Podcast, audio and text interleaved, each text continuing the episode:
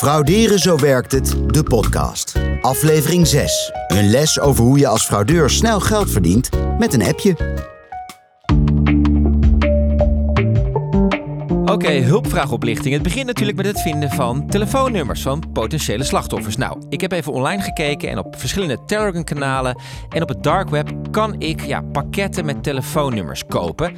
Dat ga ik natuurlijk niet doen. Nee, want dan ga ik meewerken aan iets wat echt niet oké is. Maar ja, ik wil wel weten hoe makkelijk deze vorm van fraude is. Ik wil het wel proberen, uitproberen. Dus wat ga ik doen?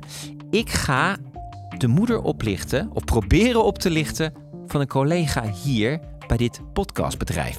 De moeder van Francis. Nou kan ik natuurlijk aan Francis tijdens de lunch hier van allerlei dingen vragen om erachter te komen wie zij precies is. Maar nee, ik wil het echt doen zoals een echte oplichter te werk zou gaan. Dus ik ga kijken hoeveel ik online kan vinden over Francis.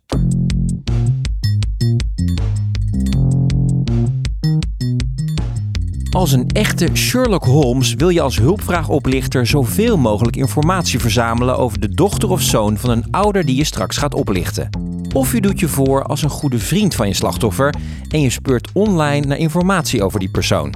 In welke rol je ook kruipt, altijd geldt: hoe meer details je verzamelt over iemand, hoe geloofwaardiger het verhaal waarmee je straks die bezorgde ouder of vriend om de tuin kan leiden. Dus ze doen zich steeds beter voor als het de persoon die ze willen zijn. Uh, waardoor het dus levensecht wordt en je ook sneller geneigd bent om overstag te gaan. Deze aflevering gaat over hulpvraagoplichting. Een vorm van fraude waarbij jij je als oplichter via WhatsApp of andere social media voordoet als een bekende die met spoed geld nodig heeft. En toen hoorde ik hem zeggen: Ben jij met mama aan het appen? Mijn naam is Daan Nieber en je luistert naar Frauderen. Zo werkt het. Een podcast waarin ik in de huid van fraudeurs kruip. Want hoe vind je als fraudeur slachtoffers? En welke trucs zijn er om bij hen zoveel mogelijk geld af te troggelen? Ik kreeg van haar een app binnen uh, met een fotootje. En die was anders dan haar andere foto. En daar stond op: uh, Hoi, hoi, heb je even tijd? Dat vragen mijn kinderen altijd, want ik ben het, heb een beroep wat niet te plannen valt. Dus dat is altijd hun standaard uh, vraag. Of heb je druk? Het leek een heel gewoon appje dat de 52-jarige Kobi Kuiper van haar dochter ontving. En met dat fotootje bedoelt ze de WhatsApp-profielfoto van haar dochter. Die was dus veranderd. Maar toen kwam het volgende bericht. Met de mededeling: Ik heb een probleem. En het eerste wat door mij heen schoot van, oh, haar relatie omdat de profielfoto veranderd was. Dat was het probleem. Zou ik verschrikkelijk vinden, de haar relatie. Dat, dat was het eerste. En het nummer waar ze mee appte? Was een nieuw nummer. Daar begon ze mee. Hoi mam, ik heb een nieuw nummer. Ja. En ik heb geen seconde gedacht dat dat niet kon. Ik heb nog wel gevraagd, uh, hoezo dan? Nou ja, ik ben een onwetend iemand. Ik heb totaal geen verstand van wat voor technisch of wat dan ook. Maar toen zei ze van, uh, deze is sneller en goedkoper. Nou, dat heb ik geloofd. Ja. ja. En toen kwam ze met, ik heb een probleem. Ik heb een probleem, waardoor ik gelijk aan de relatie dacht. Nou, uh, gelukkig niet. En toen zo van, ik moet geld overmaken. Want uh, um, huur, en dat was voor mij heel aannemelijk. Want het meisje woonde op kamers en deed ook de financiën uh, met de huurbaas. Ja. En ze hadden net een huurbaas, een nieuwe huurbaas, dat wist ik. Dus, dus dat klopte eigenlijk precies. Dat, het was een heel geloofwaardig absoluut, verhaal. Absoluut, ja.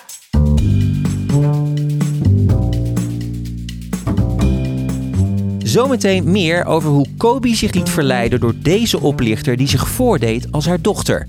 Maar eerst naar Marloes Kolthoff, directeur-bestuurder bij de Fraude Helpdesk. Zij weet alles van dit soort fraude. Hulpvraagfraude of vriend in noodfraude, vroeger noemden we dat WhatsApp-fraude. Dat is eigenlijk een beetje dezelfde uh, term, noem het toch maar even, dezelfde naam voor, dezelfde, voor, die termen. Dat gaat eigenlijk uh, als volgt, en dat kennen volgens mij de meeste mensen wel. Er komt een appje binnen uh, van een bekende, vaak, uh, nou ja, in mijn geval bijvoorbeeld van mijn dochter. Van mam, mijn telefoon is kapot gegaan. Ik heb een nieuwe telefoon gekocht, nieuwe telefoonnummer. En ehm, nou wil ik eh, een betaling doen, ik moet mijn huur betalen of nou ja, iets anders. En dat lukt niet, kun jij me helpen? Ik zeg het nu in de notendop. Het gaat vaak heel langzaam, wordt dat opgebouwd. Ja. Een paar jaar geleden eh, zagen we dat ontstaan. En toen was het feitelijk zo dat, de, dat oplichters dat gewoon overal naartoe stuurden. Uh, lukraak.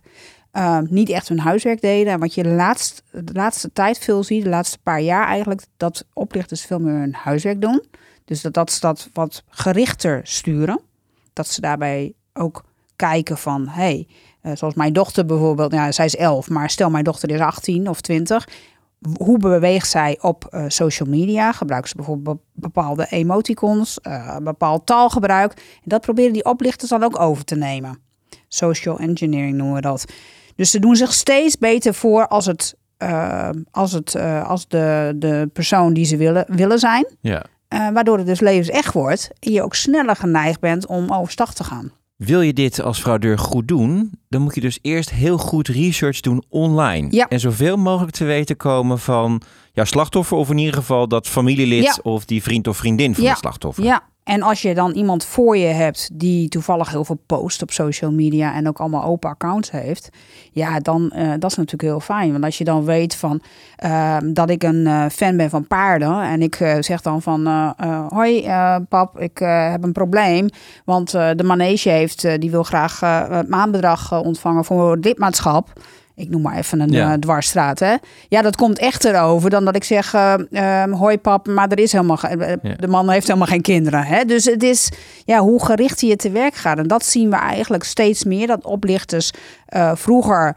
Hoe die op, op een zolderkamer, zo werden ze ook getekend. Hè? Nog steeds zien we Ja. het vaak voorbij komen. Nee, oplichters zijn gewoon hoogopgeleide mensen, zeg ik wel eens, die gewoon een businessmodel hebben gemaakt. En ook echt research doen. Dus Ja. die eerst onderzoeken uh, van hoe kan ik het beste, uh, um, nou ja, uh, mijn, um, te, te, te werk gaan en niet uh, hagelschieten, maar echt zorgen dat ik, dat ik geld binnenkrijg daardoor. Ja. En met die steeds gerichtere benadering lukt het oplichters om flink wat slachtoffers te maken. Fraude via WhatsApp, dat groeit explosief.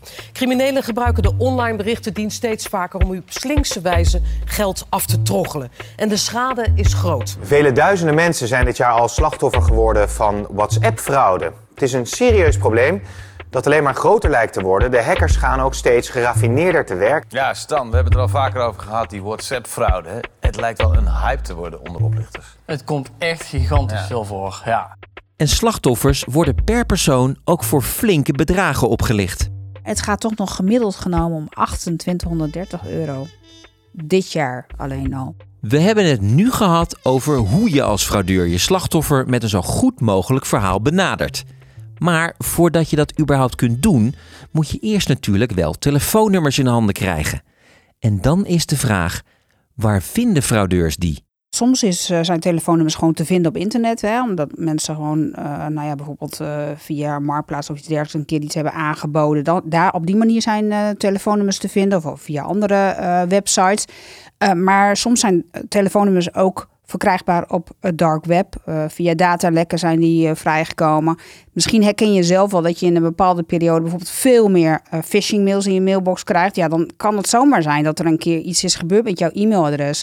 En dat die gewoon verhandeld is op het dark web. Ja. En datzelfde gebeurt ook met telefoonnummers. En andere gegevens. Ja, data is het nieuwe goud, zeg ik wel eens. Maar als dat het nieuwe goud is, dan kan ik me dus ook voorstellen dat er data wordt aangeboden online en dat je dat als fraudeur dus ook kan kopen. Dat je Ja. een bundel telefoonnummers Ja. koopt. Ja, dan koop je een bundel telefoonnummers en dan ga je gewoon heel gericht, uh, ga je iedereen uh, zo'n appje sturen. En dan, ja, er is altijd wel iemand die reageert. Oké, even terug naar mijn eigen fraudepoging. Ik ga dus de moeder van mijn collega Francis proberen op te lichten. Nou, dat nummer van haar, dat heb ik heel makkelijk weten te ontfutselen. Ik heb haar werk eventjes een mail gestuurd. Ik heb gedaan alsof ik klant was. En ik heb gevraagd om het mobiele nummer van de moeder van Francis en dat heb ik nu gekregen. De volgende stap is dat ik zoveel mogelijk over Francis te weten moet komen om een zo geloofwaardig mogelijke hulpvraag te kunnen formuleren. Nou zie ik op social media dat Francis net op vakantie is geweest en ze heeft een koopcontract getekend. Dus wat ga ik doen? Ik ga de moeder van Francis vanaf mijn telefoon, ik heb eventjes mijn fotootje veranderd in dat van Francis, dat heb ik ook gewoon online gehaald ga ik even sturen. Hoi mam. Nieuw nummer. Ik ben mijn telefoon kwijt. Maar klein probleempje. Ik moet voor vandaag een aanbetaling bij de notaris doen. Dik 1200 euro. Maar ik heb het even niet. Sorry, te veel geld op vakantie uitgegeven. Met een smiley erachter. En een oeps dingetje. Ja. Zou jij dat even kunnen voorschieten? Het gaat om dit rekeningnummer. En dan stuur ik daarna mijn rekeningnummer erachteraan. En dan eens kijken of de moeder van Francis hier intrapt. Zo, verstuurd. Terug naar Kobe, die nog aan het appen was met een fraudeur die zich voordeed als haar dochter Mandy. Zij vroeg om geld voor eh, de huur. En toen heb ik nog gevraagd, ik heb het gewoon ingevuld. Dit is toch wel van jullie alle, allemaal. En dit is niet alleen voor jou, nee, is van ons samen. Je hebt het bewaard, het Ja. gesprek. Ja. Je, je mag het wat mij betreft ook het eerste deel even voorlezen wat ze Oké. appt. Het was om 16 uur 52. En ik, ik denk, eh, dat is, oh, hè, dat is het drukste moment. Hè? Want dan moet je koken, dan, dan Ja. eh, alles. Dat begint met hoi hoi, met zo'n smiley met een hartje. Nou, dat past precies bij haar, want zo communiceren we. Ben overgestapt van provider. Je kan het nummer wijzigen. Oude kan weg. Dan vraag ik, oké, zomaar? Nee, KPN is goedkoper en sneller. Maar zit nu wel met een ander probleempje. Of ben je druk? Ik zeg, nee, ik ben thuis. Dan vraagt ze, jij hebt toch Rabo als bank? Ik zeg, ja. Ik moet voor zes uur twee rekeningen betalen. Maar volgens mij is er een storing, want hier lukt het nog niet met inloggen. Kun je even kijken of jij wel gewoon in kan loggen? Ik zeg, ja, ik heb net nog ingelogd. Wat raar. Kan jij ze alsjeblieft even overmaken voor me? Dan stort, stort ik het vanmiddag terug, zodra ik weer kan inloggen. Zo appten ze in korte tijd druk heen en weer. Alles had haast, alles moest snel gebeuren. En zo kwam het dat ze in korte tijd met twee overboekingen bijna 1400 euro had overgemaakt. En van elke overboeking moest ze een screenshot maken en die appen naar de oplichter. Dus dit heeft zich allemaal binnen. Nou, we zijn nu 18 minuten verder. Ja. Dus het, er, er, zit, er zit druk op, het Er moet snel gebeuren. De snelheid. Ja, dat het- is. Het verhaal klopt. Je snapt het. Zij zit op kamers, heeft een nieuwe huisbaas. Dus nou, op zich Ja. niet gek. Zij regelt de financiën Ja. voor, voor haar, ja, haar huisgenoten. Dus eigenlijk eh, klinkt het in ieder geval voor jou als een heel logisch verhaal. En het is hier ook nog in spitsuur, want hè, het is bijna ja, etenstijd. Ja, en ik moest s'avonds werken. En eh, nou, dit, het, het klopt allemaal. Ja. Eerlijk gezegd werd ik alleen maar bozer op die meiden dat ze het niet goed geregeld hadden met de huurbaas.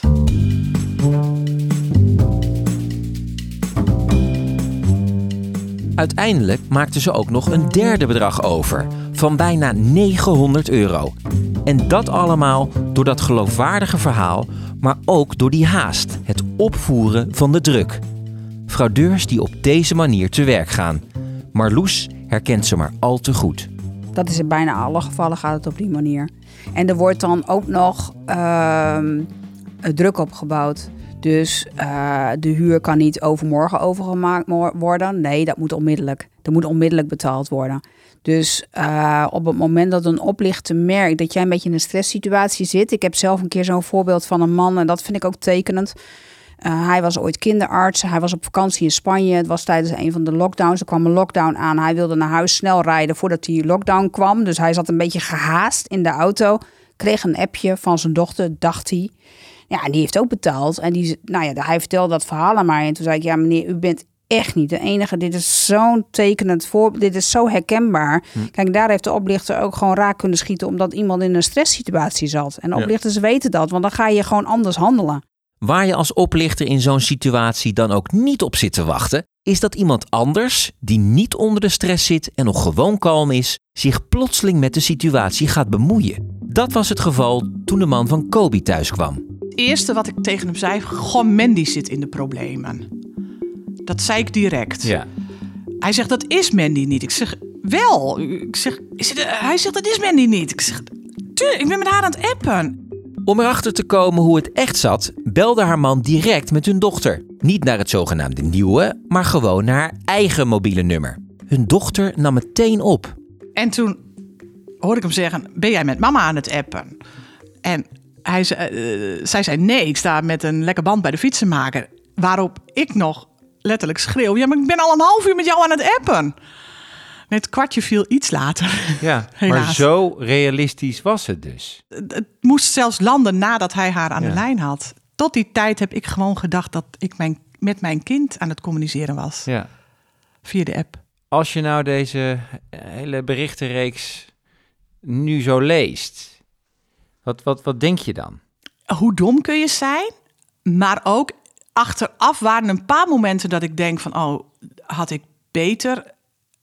Daar had mij een lichtje kunnen gaan branden. En er zit bijvoorbeeld een, een typfout in. Maar Mandy heeft het zelfs een paar keer gelezen. Die zei, ja, dit had ik kunnen zijn. Ja. Ja.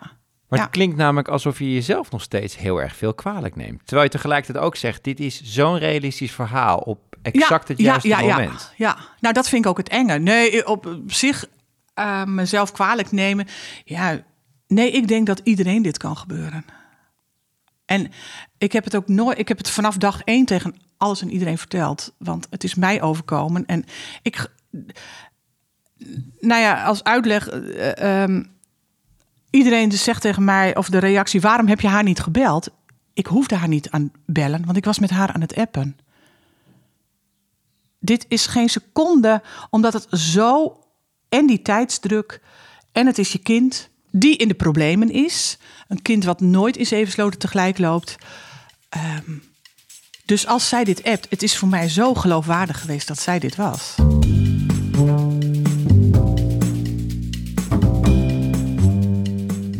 De fraudeur die Kobi oplichtte had een geloofwaardig script en gebruikte de tactiek van tijdsdruk.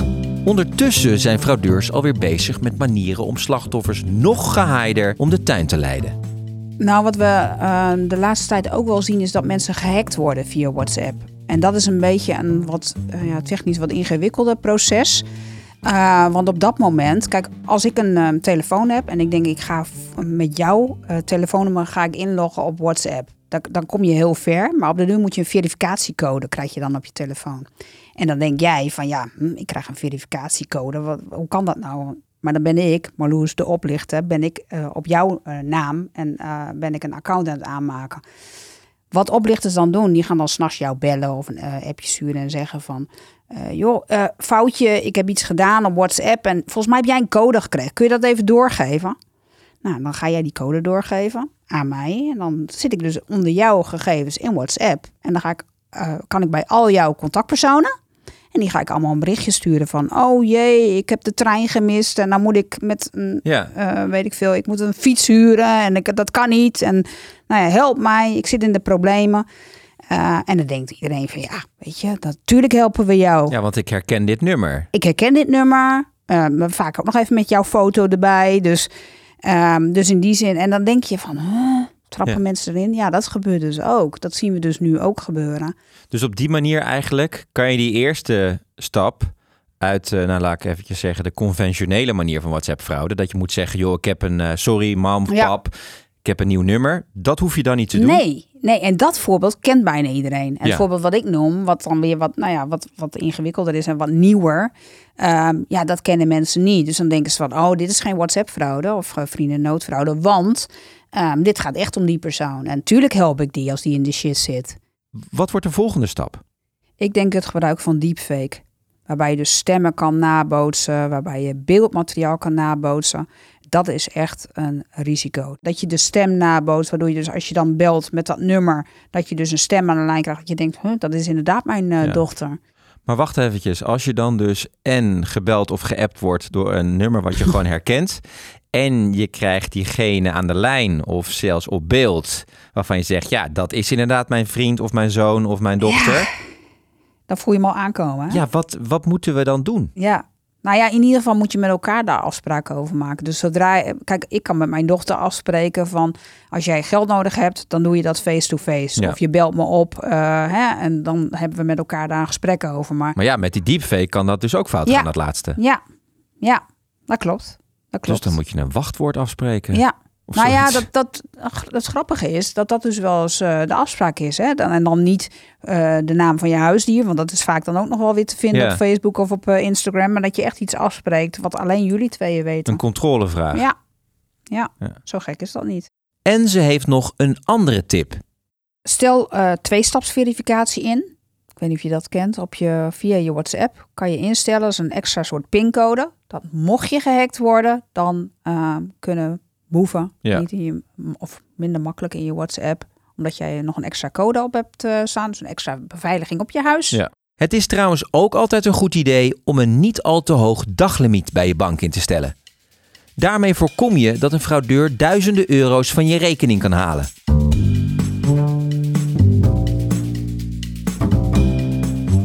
Dan de afloop van de fraudezaak van Kobi.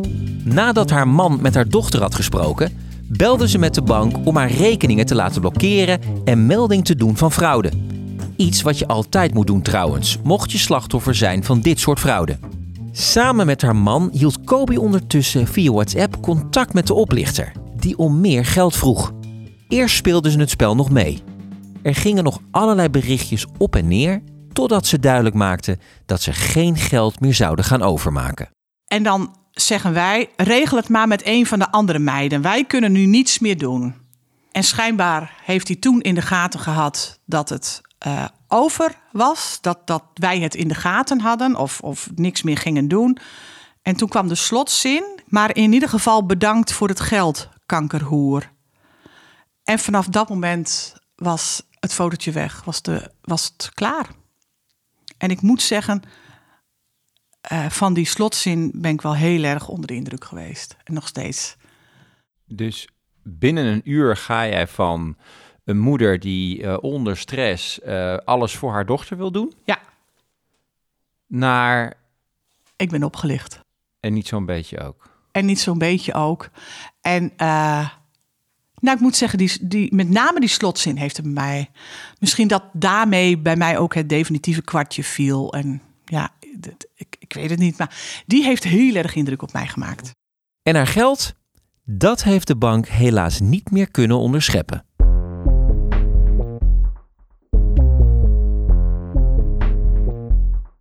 Terug naar mijn fraudepoging. Mijn poging om eh, de moeder van Francis, die nu tegenover mij zit, Hallo.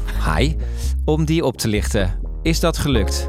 Nee, dat is niet gelukt. Ik eh, ben eh, blij om te melden dat mijn moeder mij meteen heeft opgebeld en heeft gezegd: Wat hoor ik nu nou weer voor raar verhaal?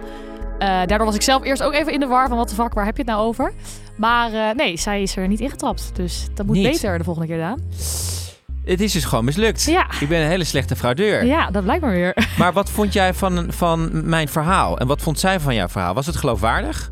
Ja, ze zei op zich wel, omdat dus de feiten klopten, zeg maar, dat ik inderdaad op vakantie was geweest en bezig was met een huis kopen, dacht ze, oké, weird, maar ik ga alsnog even bellen, want mijn moeder is best een wantrouwend iemand, dus eh, die heeft gewoon toch nog eventjes gebeld.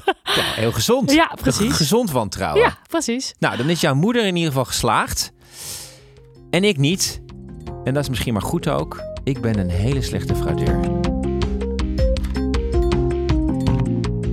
Je luisterde naar Frauderen. Zo werkt het. Wil je meer afleveringen horen? Abonneer je dan in je favoriete podcast-app. Zo kruip ik bijvoorbeeld ook in de huid van marktplaats- en webshop-oplichters. Frauderen Zo Werkt Het is een initiatief van de gezamenlijke banken. Bekijk meer lessen op zowerktfraude.nl en leer zo fraude herkennen en voorkomen.